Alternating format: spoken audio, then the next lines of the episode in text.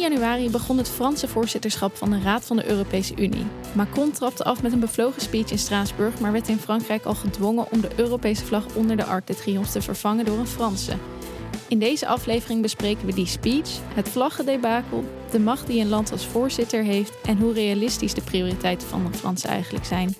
En wat is de invloed van de Franse verkiezingen in april op de houding van de Fransen in Brussel? Hallo Bas. Ehm, de rollen zijn deze keer een beetje uh, omgekeerd. Ik zit in het Europees Parlement. Maar jij, uh, jij zit thuis, want jij bent ziek. Ja, ik heb, uh, ik heb dan toch ook uiteindelijk corona na twee jaar. Ja. ben ik ook voor de Belgen gegaan en ja. corona met te pakken gekregen. Ja, net als de rest van Nederland volgens mij. Ja, volgens mij is het moeilijk te voorkomen uiteindelijk. Ja. Als je nu de getallen ziet, dan denk ik dat op een gegeven moment het knapper is dat je het niet hebt gehad, dan wel, ja. Ja, maar zelfs met corona uh, ben je nog in status om, uh, om wel even te bellen. Ja, het is, het, is, het is een hele rare ziekte wel, corona. Het is, het, is, het is onvoorspelbaar, dus het gaat op en af. Maar nu heb ik al het gevoel uh, dat, ik, dat, ik, dat ik op de weg naar boven ben en eruit ben. Dus het heeft me dan toch wel een weekje gekost. Dus dat, ik ben niet zo heel goed in uh, lang ziek zijn. Dus voor mij is zeven dagen wel erg lang. Nee, we hebben het nog niet eerder meegemaakt volgens mij. Uh, dat iets niet door kan gaan inderdaad omdat je ziek was. Maar dat gaat, gebeurt nu ook niet. Dus uh, we gaan gewoon door. Ja, toch nog steeds bellen met Bas. Ja, ja, ja. die blijft nog overeind. Um, ja, zoals ik net al zei, ik wil het graag hebben over het Franse voorzitterschap van de Europese Raad, of nou zeg ik het al verkeerd, de Raad van de Europese Unie. um, ja, dat is een belangrijk verschil, daar gaan we het ook nog over hebben. Uh, die begon op 1 januari en het is misschien wel even goed om eerst te vertellen wat, wat zo'n voorzitterschap nou eigenlijk betekent. Um, die roleert namelijk iedere zes maanden en dan is het in handen van een van de, de ja, EU-landen, nu dus Frankrijk. Um, en de Raad van de Europese Unie die vergadert in, in tien verschillende formaties. Dat zijn um, ja, de verschillende ministers die dan bij elkaar komen. Zo heb je bijvoorbeeld de Landbouwraad. En als je dan voorzitter bent, dan heeft die minister van het betreffende land, dus nu de Franse landbouwminister, die heeft uh, dan de leiding over de vergadering van, van die Landbouwraad. En ja, zo zijn er nog meer raden waar dan iedere keer die Franse minister uh, de leiding heeft voor een half jaar. Uh, en er zijn dan drie lidstaten uh, dat, dat wordt dan een trio genoemd. Die daarin ook weer met elkaar samenwerken, volgens mij. Want je hebt nu Frankrijk en daarna Tsjechië en Zweden. En die stemmen dan eigenlijk ook weer met elkaar uh, af hoe ze dat voorzitterschap vormgeven. Um, ja, en ik ben nu wel benieuwd. Ja, hoe zit het nou eigenlijk met de macht? Wat, uh, voordat we verder over de Franse invulling eraan gaan, uh, het daarover gaan hebben. Wat, ja, wat zegt dat nou eigenlijk, dat voorzitterschap? Heb je dan echt meer te zeggen dan een ander EU-land op dat moment? Nou ja, kijk, het is. Het is uh, je bepaalt de agenda van al die, uh, van al die raden, zeg maar, al die ministerraden. Ja. Dus um, um, kijk, uiteindelijk laten we wel wezen, um, dat, dat, dat rolerend voorzitterschap is eigenlijk wel in de loop der tijd steeds minder belangrijk geworden. Hm. He, want vroeger, uh, vroeger, en dat is dan uh, voor het Lissabon-verdrag, ja. uh, was je ook nog eens, was de premier. Dat was 2009 inderdaad. Dus daarvoor was ook nog de premier. Dan had je ook nog een rolerend voorzitterschap van de Europese Raad. Hè, en de Europese Raad is waar alle ministers, hè, de bazen van de landen, dus de Ruttes, de minister-presidenten, ja. afhankelijk van het land zijn. En um, ja, toen had je echt nog wel meer macht, want, want die, die, die Europese Raad, die zet de strategische agenda. Nou ja, daar, daar zit, dat, dat is tegenwoordig, hè, na Lissabon uh, van 2009, zit daar daar een vaste voorzitter. Dat is op dit moment Charles Michel. Mm -hmm. uh, en daarmee, daarmee is eigenlijk het belangrijkste instituut van de Europese Unie.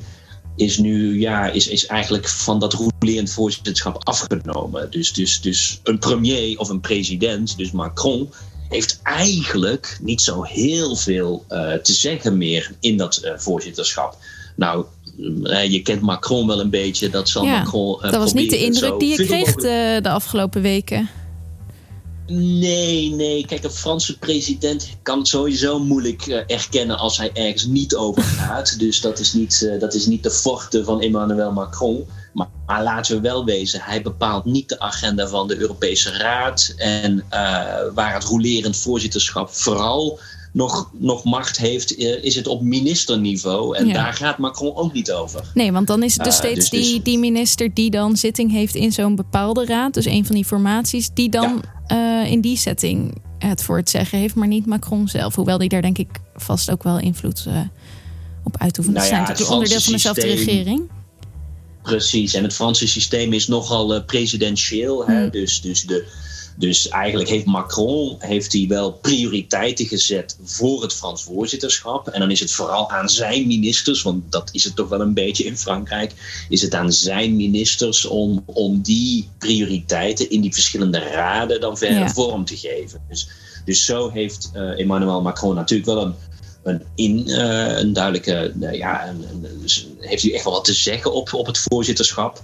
Maar laten we wel wezen, veel van die raden doen uiteindelijk het wetgevende werk. En dat wetgevende werk is bepaald door de Europese Commissie. Ja. want het recht op initiatief is nog steeds alleen bij de Europese Commissie. En alle wetten waar nu het Frans voorzitterschap aan moet werken, die zijn door de Europese Commissie voor de kerstvakantie gelanceerd. Dus in die zin, en nou ja, als ik het zo zeg, wordt Macron helemaal boos. Maar in die zin is Macron de uitvoerder van de agenda van de Europese Commissie. Nou ja, dit, dit gaat misschien iets te ver voor, zeker voor Macron.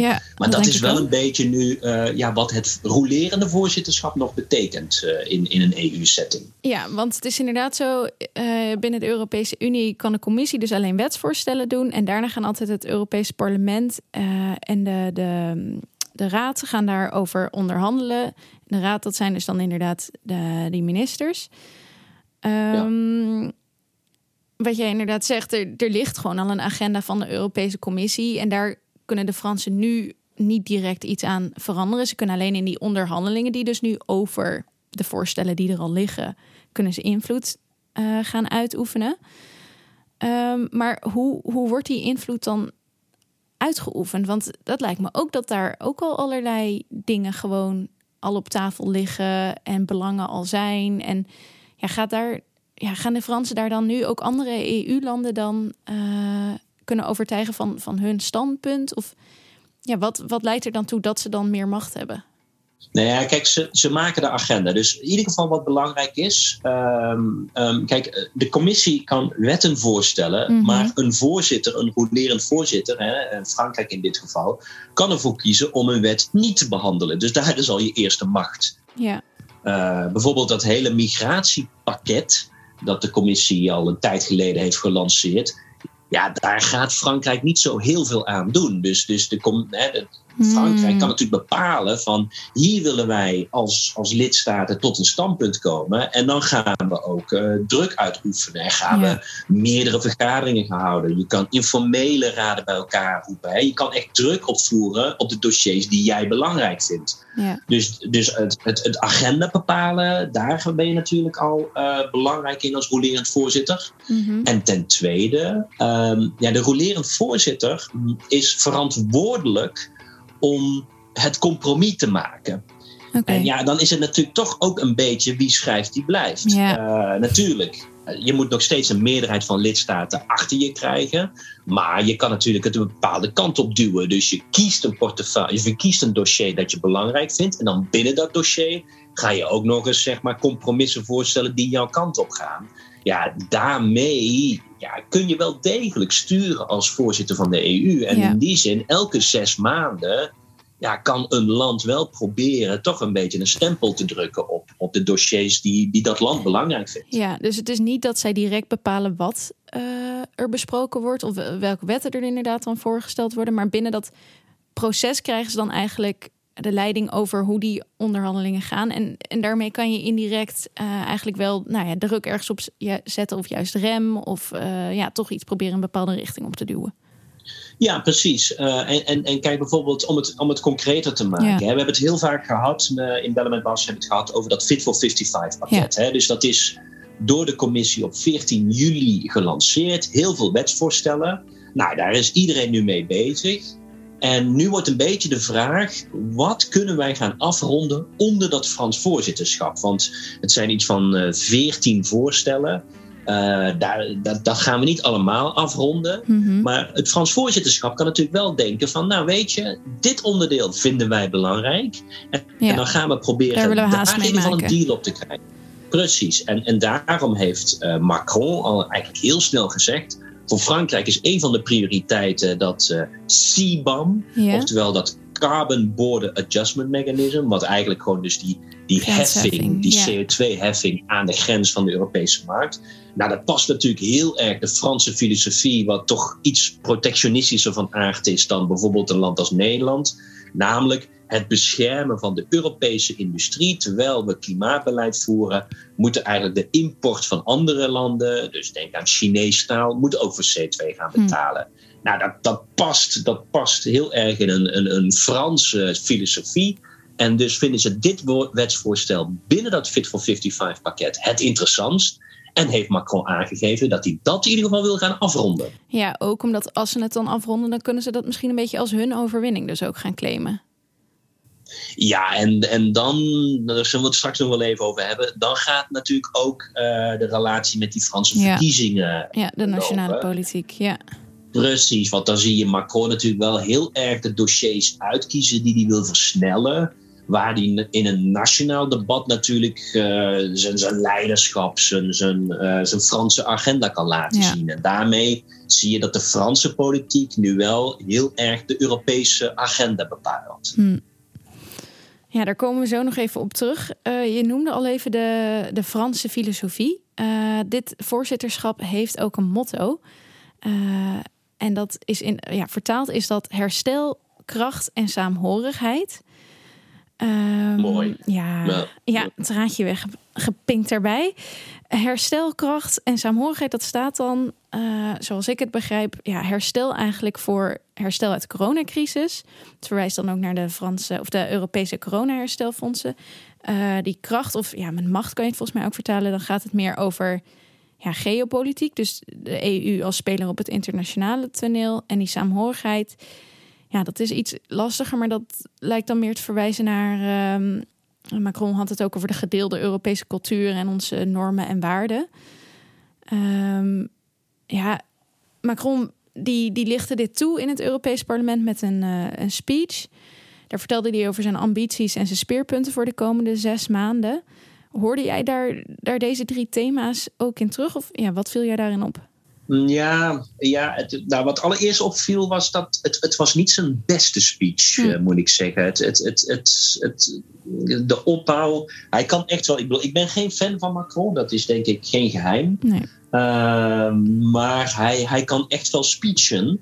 En, en dit, dit, dit leek een beetje een haasklusje te zijn. En, het, en ook de opbouw was erg rommelig, moet ik zeggen. Maar hij had wel drie thema's. Maar die drie thema's waren weer net anders verwoord. Hij had het over eh, democratie. Nou ja, dat is misschien die saamhorigheid. Hij heeft het in zijn speech eh, over democratie gehad en het belang van democratie. Nou, dat ging natuurlijk heel erg over de rechtsstaat. Ja. Ehm, dus dat was op zich een, een mooi gedeelte. Eh, alleen, ja, dan, ja, misschien, misschien, eh, misschien ben ik te cynisch, ik weet het niet. Maar dan ga ik meteen bij zo'n speech denken. Maar wat heeft Frankrijk nu in die raad gedaan om de rechtsstaat te waarborgen?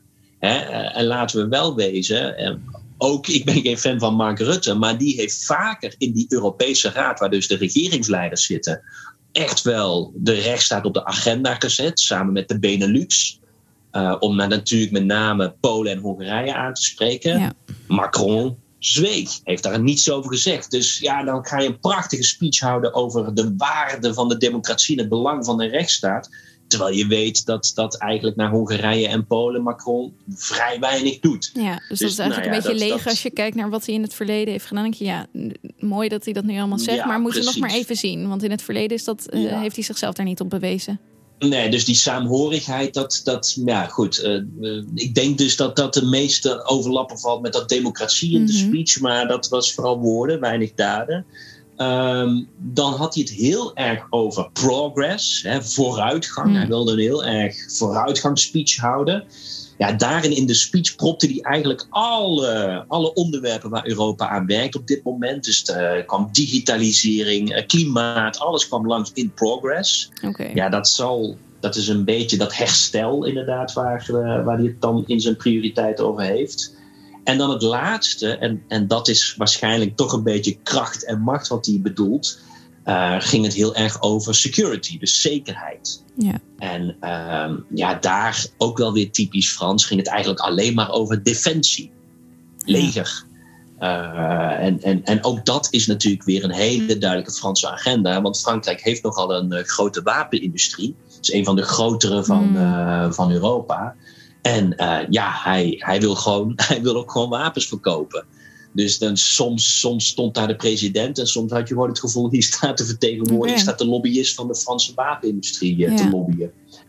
Dus ja, ik herken de thema's wel. Er zit wel een lijn in, maar ja, wat ik zeg, hij verandert een beetje de namen. En nou ja, het is, het is ik moet zeggen, het, het, ik, ik vind niet dat er iets heel duidelijks uitspringt van wat wil Macron nu met Europa op dit moment. Behalve uh, zichtbaarder en, en uh, fermer op het internationale toneel.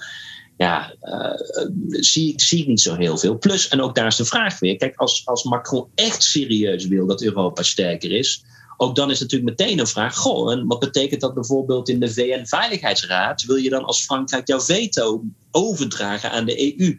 Maar dat wil die ook weer niet. Dus hmm. het is ook wel weer een beetje klassiek Frans dat, dat jij een krachtig Europa wil, zolang Europa doet wat Frankrijk wil.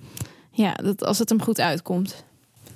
Uh, nou, of anders een Parijse agenda wil die gewoon uitvoeren en als Middels, Brussel daarin kan uh, helpen ja, dan, dan, dan is hij ineens voor Brussel. Maar als het moeilijker wordt, gaat ook Macron vrij weinig doen aan Europa. Dus, dus in die zin is hij niet heel anders. En hij heeft zich natuurlijk vijf jaar geleden opgeworpen als de redder van Europa. Mm hij was, het was een beetje, er was zo'n zo'n rechtse uh, opmars in Europa. En iedereen was bang dat Frankrijk ook zou vallen. Hè, na Trump en na Brexit. En nu dan ook Frankrijk. Nou, toen kwam Macron en dat was de redder van Europa. Ja, ik moet zeggen dat na vijf jaar toch de conclusie is dat Macron vrij weinig echt voor Europa gedaan hmm. heeft. Ja. ja, dus vooral ook weer inderdaad wat hij als een imago, uh, ja, hoe hij zich wil profileren in plaats van dat hij nou echt in die onderhandelingen in Brussel. Uh, ja, veel voor elkaar weet Ja, en laten we wel wezen. En, en, en ik denk echt dat het onvermijdelijk is dat we toch naar die Franse verkiezingen de stap maken. Yeah. Um, kijk, in Frankrijk.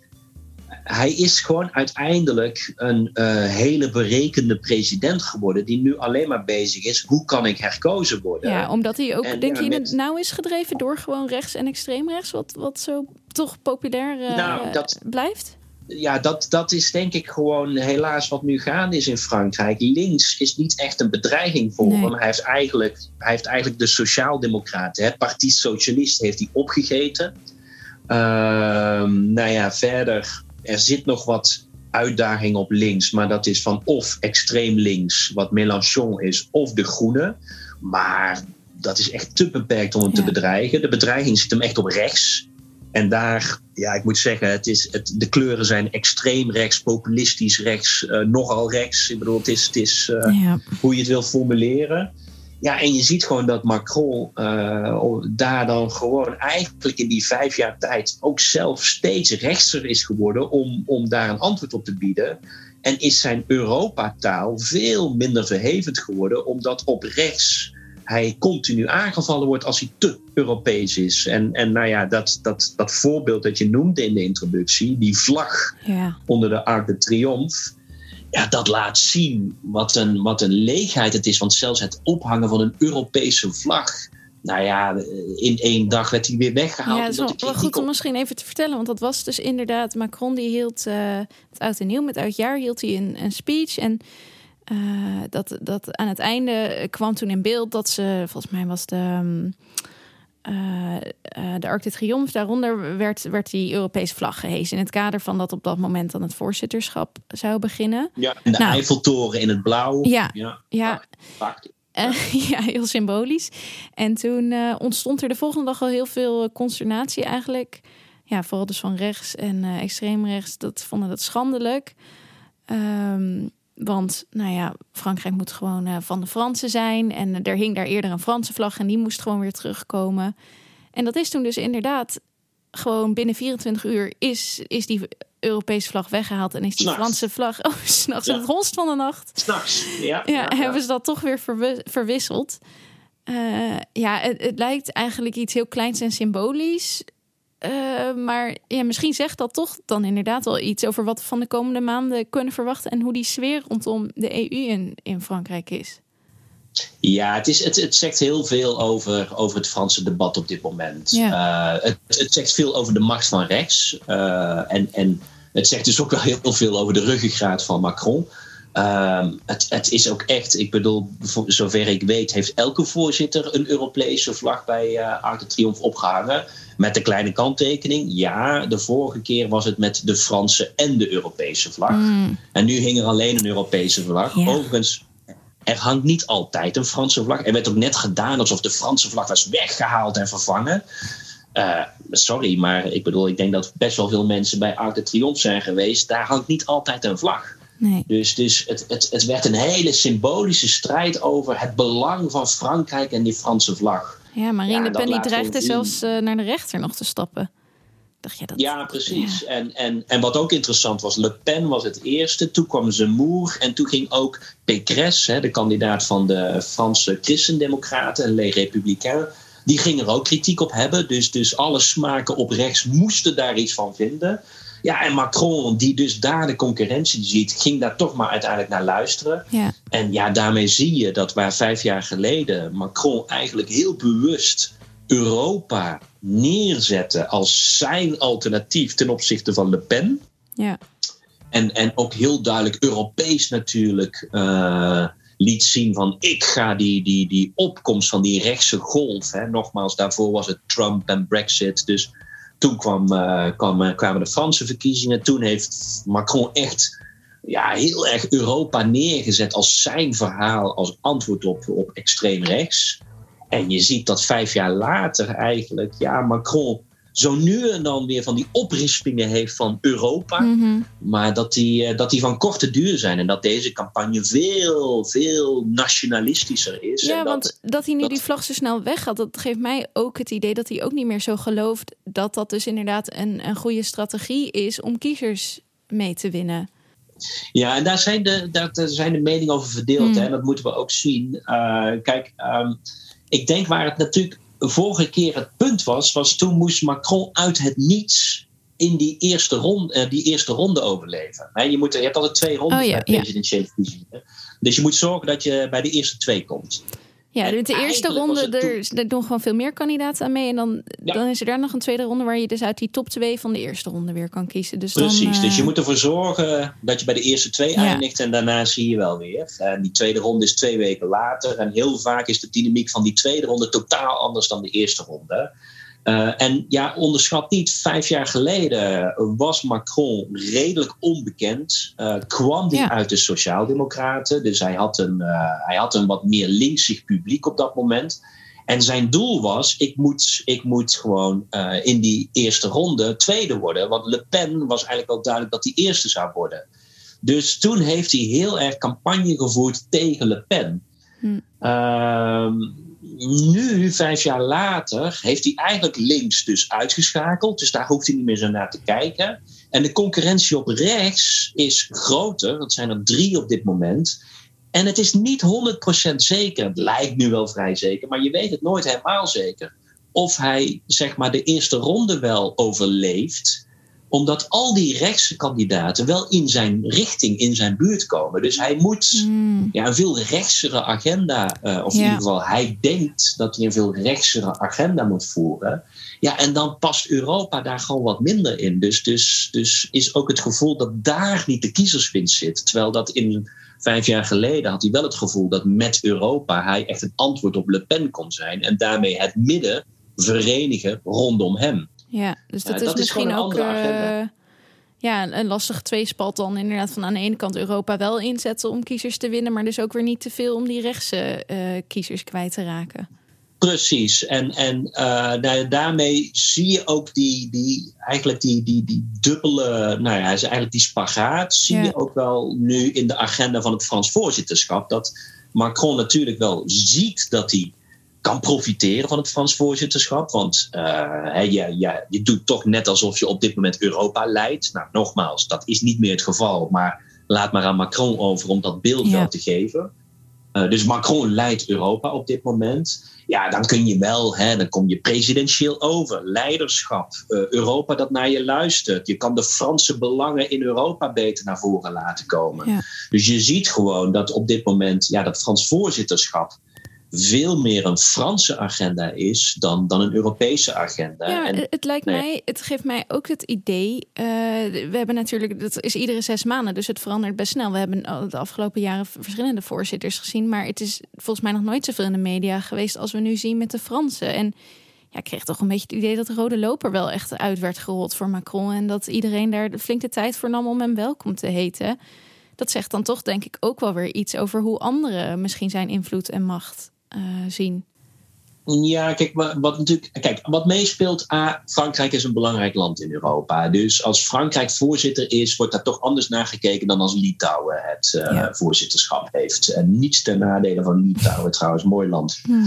Um, um, dus, dus daar zit al een verschil in. Maar wat je ook wel ziet, is toch een beetje die reflex van vijf jaar geleden, toen Macron toch de redder was van, van Europa ja. en, en multilateralisme en nou, plakken de prachtige term op die je wil. Uh, je ziet toch dat dat soort reflexen wel weer opsteken. Ook bij bijvoorbeeld de voorzitter van de commissie, uh, uh, Van der Leyen, die ook wel heel erg ja, nu Macron ter wille wil zijn, om, om, omdat hij toch een beetje ja, de beschermingswal is tegen, tegen Le Pen en zijn moer. Ja. Dus, dus gaat ook niemand openlijk nu zeggen: ja, maar Macron, jij hebt helemaal geen macht. Want dat, dat, ja, niemand heeft er nu zin in om dat, om dat luchtballonnetje van Macron door te prikken, omdat ja, niemand wil eigenlijk ja, Macron verzwakken op dit moment. Ja, ja. ja dus, dus dat speelt ook absoluut mee. Dat niemand um, op dit moment, uh, ja, dat iedereen zoiets heeft van nou. Uh, uh, we gunnen je je, je, je, je machtsballon, zeg maar. Ja, mooi woord. Um, ik wilde eigenlijk nog even kijken naar een paar dossiers die nu ook de komende maanden uh, volgens mij een belangrijke rol gaan spelen. En hoe de Fransen ja, daarin staan en, en waarschijnlijk invloed op in, uit willen gaan oefenen. Je noemde net al uh, dat hele Fit for 55 pakket, uh, de klimaatwetgeving waar nu over onderhandeld wordt. en hoe zij dus in ieder geval die grensheffing waarschijnlijk flink op in willen gaan zetten. Ja. Ook omdat dat dus wel weer goed bij die, uh, ja, dat idee van Europa wat de Fransen uit willen aangepast. Vorige aflevering hadden we het ook over kernenergie en de rol die de Fransen daarin spelen. Um, verder qua klimaat, zijn zij uh, ja, daarin een bondgenoot of uh, hoe moet ik dat zien? Ja, dat is een beetje onvoorspelbaar dus. Omdat, uh, kijk, op zich, uh, kijk, even, even kernenergie parkeren. Uh, dat is inderdaad natuurlijk gewoon een agenda voor EDF. En nou ja, als, als de commissie binnenkort gaat bevestigen haar voorstel, zal Macron dat in Parijs gebruiken als overwinning van Frankrijk op hun kernenergie. Ja. Dus wederom wordt dat gewoon ja, laat, wordt dat gewoon weer een, uh, een, een, overwinning voor Macron naar het Franse publiek.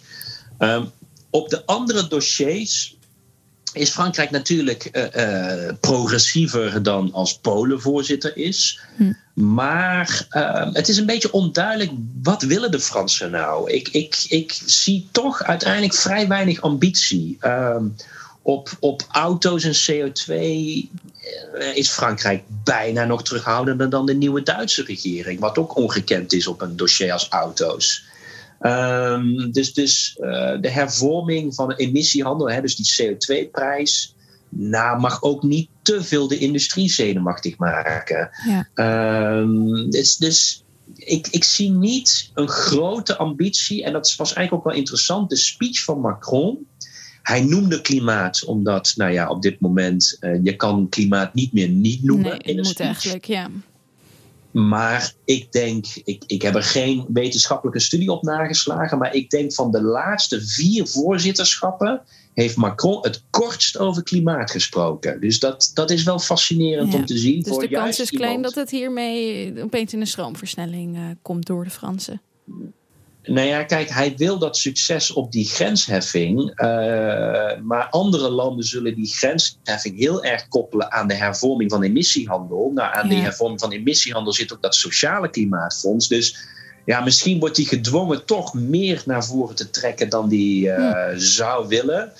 Uh, maar ja, ik ben benieuwd. Ik, ik, ja, het is ook kort. Hè? De verkiezingen zijn al begin april. Ja. Dus het is eigenlijk voorzitterschap maar drie maanden. En ik weet niet wat er daarna gaat gebeuren, ja, al naar gelang de Inderdaad, ook gek natuurlijk in zo'n uh, dat dat zo op de helft van het voorzitterschap zit. Het kan zomaar zijn dat als je toch een andere uh, Frans president krijgt, dat dan ook dat voor, voorzitterschap uh, anders moet vormgegeven worden. Terwijl die onderhandelingen natuurlijk al lang en breed bezig zijn en de Fransen daarin ja, een standpunt ook hebben ingenomen. Dat, ja. Precies, maar, maar dat laat ook weer een beetje zien de, de relativiteit van het belang ja. van die voorzitter. Uh, kijk, in Frankrijk heb je nog redelijk snel een nieuwe regering, maar we hebben ook meegemaakt dat, dat wij een demissionair Belgische regering oh, hadden, die voorzitter ook. was. Ja. En dat was een van de betere voorzitterschappen, omdat die ambtenaren die hebben gewoon gezegd: Nou, geen prioriteiten, gewoon de wetten die er liggen, die willen we afronden. Nou, iedereen is nog steeds vol lof over het Belgisch voorzitterschap, ja. waar dus geen regering bij was. Dus ja, Ze konden de diplomaten en ambtenaren zien. konden gewoon uh, lekker vrij uit hun werk doen. Nou ja, de, de, wat die deden was gewoon zonder een eigen politieke agenda gewoon ja, de meerderheid uh, zoeken. Ja. Ja, en, en, en dat is eigenlijk een beetje hoe klassiek de voorzitter uh, natuurlijk ja. is. Frankrijk probeert in ieder geval die eerste drie maanden zeer politiek in te kleuren. Ja, dat betekent niet altijd dat het daarmee een efficiënt voorzitterschap mm. is. Nee, nee, nee, goed punt. En um, wat ik me ook afvroeg, de begrotingsregels, die staan ook onder discussie. Uh, in december um, presenteerde uh, Macron samen met de Italiaanse president Draghi een, een, een plan. Um, wat, ja, wat kunnen we daarvan verwachten?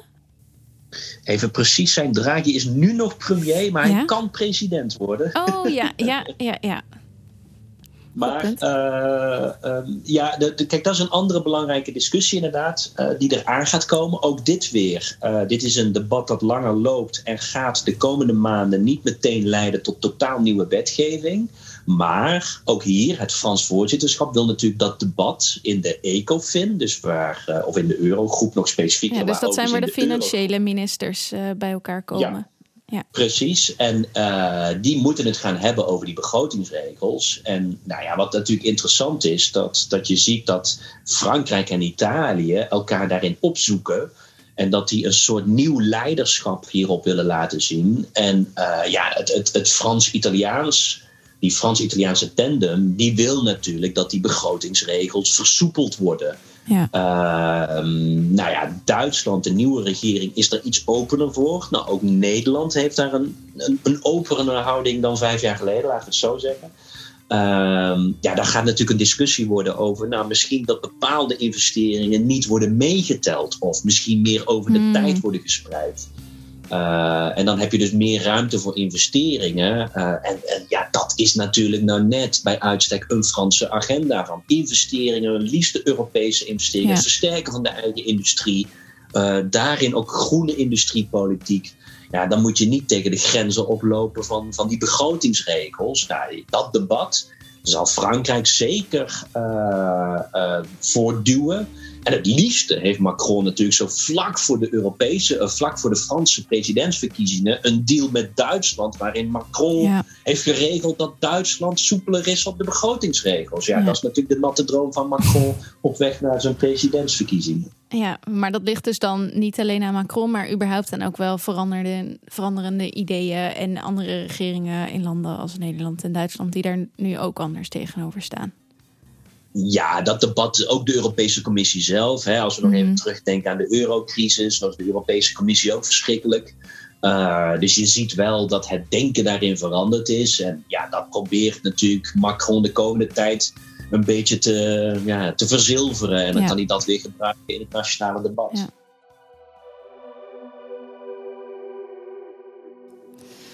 Nou, gaan we allemaal zien.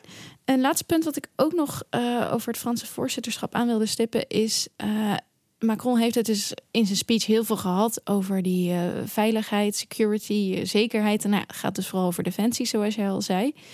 het lijkt nu toch dat de eerste proeven daarvoor zich al een beetje heeft aangediend. Want ja, we zitten met de situatie in Oekraïne.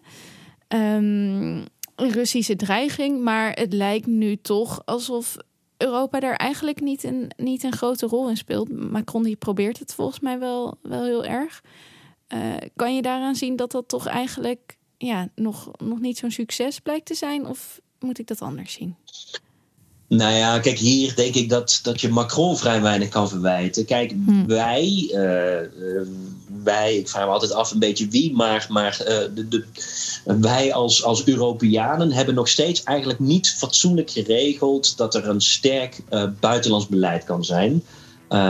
en dat komt ervoor dat heel veel op buitenlands terrein nog steeds op veto wordt gedaan. Ja. Dus Dit zeggenschap ligt gewoon nog bij de, de lidstaten eigenlijk. Precies. Elk land kan een, een krachtige conclusie blokkeren. Nou, en Rusland heeft natuurlijk genoeg uh, met gas of met andere uh, geldprojectjes heeft hij vazallen gecreëerd. Met name in Budapest zit er eentje. Mm. Uh, Orbán. En die kan gewoon allerlei conclusies tegenhouden in zijn eentje. En uh, ook Orbán zit in een verkiezingstijd. Want het is in april niet alleen Franse verkiezingen, maar ook Hongaarse verkiezingen. Ja. Uh, dus, dus ja, Orbán is ook met zijn verkiezingscampagne bezig. En die wil soms juist een beetje, nou ja, zijn, zijn, zijn alternatieve verhaal op de, op de westerse democratie. En soms past het Russische narratief hem beter dan het westerse narratief. Ja. Nou ja, dan zie je dus dat, dat een land als Hongarije eigenlijk krachtdadig Europees beleid tegen kan houden. Ja, en de Amerikanen, die nu eenmaal niet bekend staan als geduldig die, ja, die gaan dan maar direct praten met uh, Rusland. En krijg je dus de rare situatie dat, zeker in het begin, Rusland en Amerika aan het praten waren over Oekraïne en Europa. Ja, is dat ook niet omdat het als op defensie aankomt, heel veel uh, de Europese landen daarin heel veel zeggenschap hebben overgedragen aan de, de NAVO? Dus dat dat gewoon meer uh, ja, Amerikaans is dan dat het dus inderdaad een, een competentie van de EU is? Nou ja, laten we wel wezen. Rusland is niet heel erg onder de indruk van, uh, van, van de Europese defensiemacht. Nee. Uh, dus dus dat, dat is. En uiteindelijk, Rusland spreekt natuurlijk wel de, de taal van de macht. Mm. Uh, dus, dus dat is logischer. maar hier zit natuurlijk ook gewoon. En, en hier zie je, en dat wordt, dat wordt gewoon interessant de komende tijd. Je ziet hier ook een spanningsveld tussen Duitsland en Frankrijk. Ja. Uh, Frankrijk is iets klassieker van aard. Uh, in die zin lijkt meer op Amerika. Het is altijd grappig. Hè? Amerika en Frankrijk hebben altijd ruzie, maar eigenlijk zijn het landen die best op elkaar lijken. Ook met de presidentiële macht en het hele systeem. Hm. Um, terwijl Duitsland natuurlijk eigenlijk altijd een andere lijn voert. Nu zeker met een groene minister op Buitenlandse Zaken. Die veel meer op, op uh, nou ja, overleg, dialoog. Uh, die willen ook geen wapens exporteren naar Oekraïne. Uh, die, zijn, die zijn nogal bang voor die escalatie. Dan zit er ook nog een Scholz van de SPD, die uh, eigenlijk wel heel erg dicht tegen, tegen de Rusland, uh, de Poetin-versteer staan. denk aan gaspolitiek, maar denk ook gewoon aan, aan, aan sancties waar Duitsland wat, wat terughoudend voor is als het te zeer economisch gaat schaden, omdat Duitsland heel erg veel handelt met Rusland. Dus ja, Duitsland en Frankrijk staan hier echt anders in. Ja, en dan kan, kan een president van Frankrijk ja, gewoon niet heel veel anders dan toch proberen met Duitsland tot iets te komen. En daarom hebben ze nu dat Normandie-beraad, hè, dat ja. Normandie-beraad. Dat was gisteren volgens mij. Geroepen. Ja, en, Waar staat dat voor, dus dat Normandie-beraad? Nou ja, dat is, dat is een beetje in het leven geroepen, juist uh, om, om zeg maar te hebben over, over de toekomst van, van Rusland aan de oostgrens, met name nu rondom Oekraïne. En is dat een, een, een overleg geworden tussen Amerika, Rusland en dan Frankrijk en Duitsland. Ja. Um, en, en nou ja, dan toch de twee grootmachten van het Europese vasteland, hè, Europa, dus Duitsland en Frankrijk, en dan ook Amerika en Rusland. Uh, maar ja, dan, dan, dan merk je dat het toch moeilijk is om daar tot hele, hele duidelijke conclusies te komen. Uh, en de conclusies zijn ook niet droog. Of het Kremlin zegt al dat ze het er niet mee, of dat ze het niet eens zijn, of weer op een, hun eigen manier interpreteren. interpreteren ja. Ja, dus, dus dit, dit blijft een moeilijk gebied voor Europa. Uh, omdat wij dus niet, nog steeds niet echt een krachtig buitenlands beleid hebben. En ja, Macron probeert natuurlijk nou, eigenlijk deze crisis te laten zien van hier hebben we een krachtig Europa nodig. Maar ja, dan, dan vindt hij als eerste meteen Duitsland op zijn pad. En, en daar zal hij toch eerst mee moeten dealen voordat hij echt met Moskou kan gaan praten. Ja, ja dat, dat, daar, ja, daar kun je natuurlijk meteen een Le Pen gebruikt dat meteen om de zwakte van Macron te laten zien. Maar dat is natuurlijk flauwekul. Dit, het ligt niet aan hem, maar meer aan eh, hoe we het Europees hebben ingericht. Uh, Precies, de verschillende belangen. Ja. Oké, ehm, duidelijk. We moeten de komende zes maanden gezien wat er gaat gebeuren. Vooral de komende drie maanden worden heel erg interessant voor de Fransen. Uh, ik denk dat we dichter naar de verkiezingen toe het daar nog zeker wel over zullen hebben. Um, onze tijd voor vandaag zit er weer op. Maar uh, ik uh, wil je heel erg bedanken dat je ondanks corona toch uh, wel kon bellen vandaag. Um, de volgende ja. keer moeten ja. we het ook zeker weer hebben. Een beetje over, hè? Ja, dan heb je nog iets te doen. Ja, nee, heel fijn. Um, de volgende keer um, gaan we het ook weer verder hebben over de taxonomie. Want daar is inmiddels ook weer veel op gebeurd. dus ja, hopelijk luister je dan weer. Nou, bedankt voor vandaag komt helemaal goed en uh, tot snel. En hopelijk inderdaad uh, ook weer snel uh, dat ik weer uit het huis kom. Ja, ja beterschap. ja, komt goed.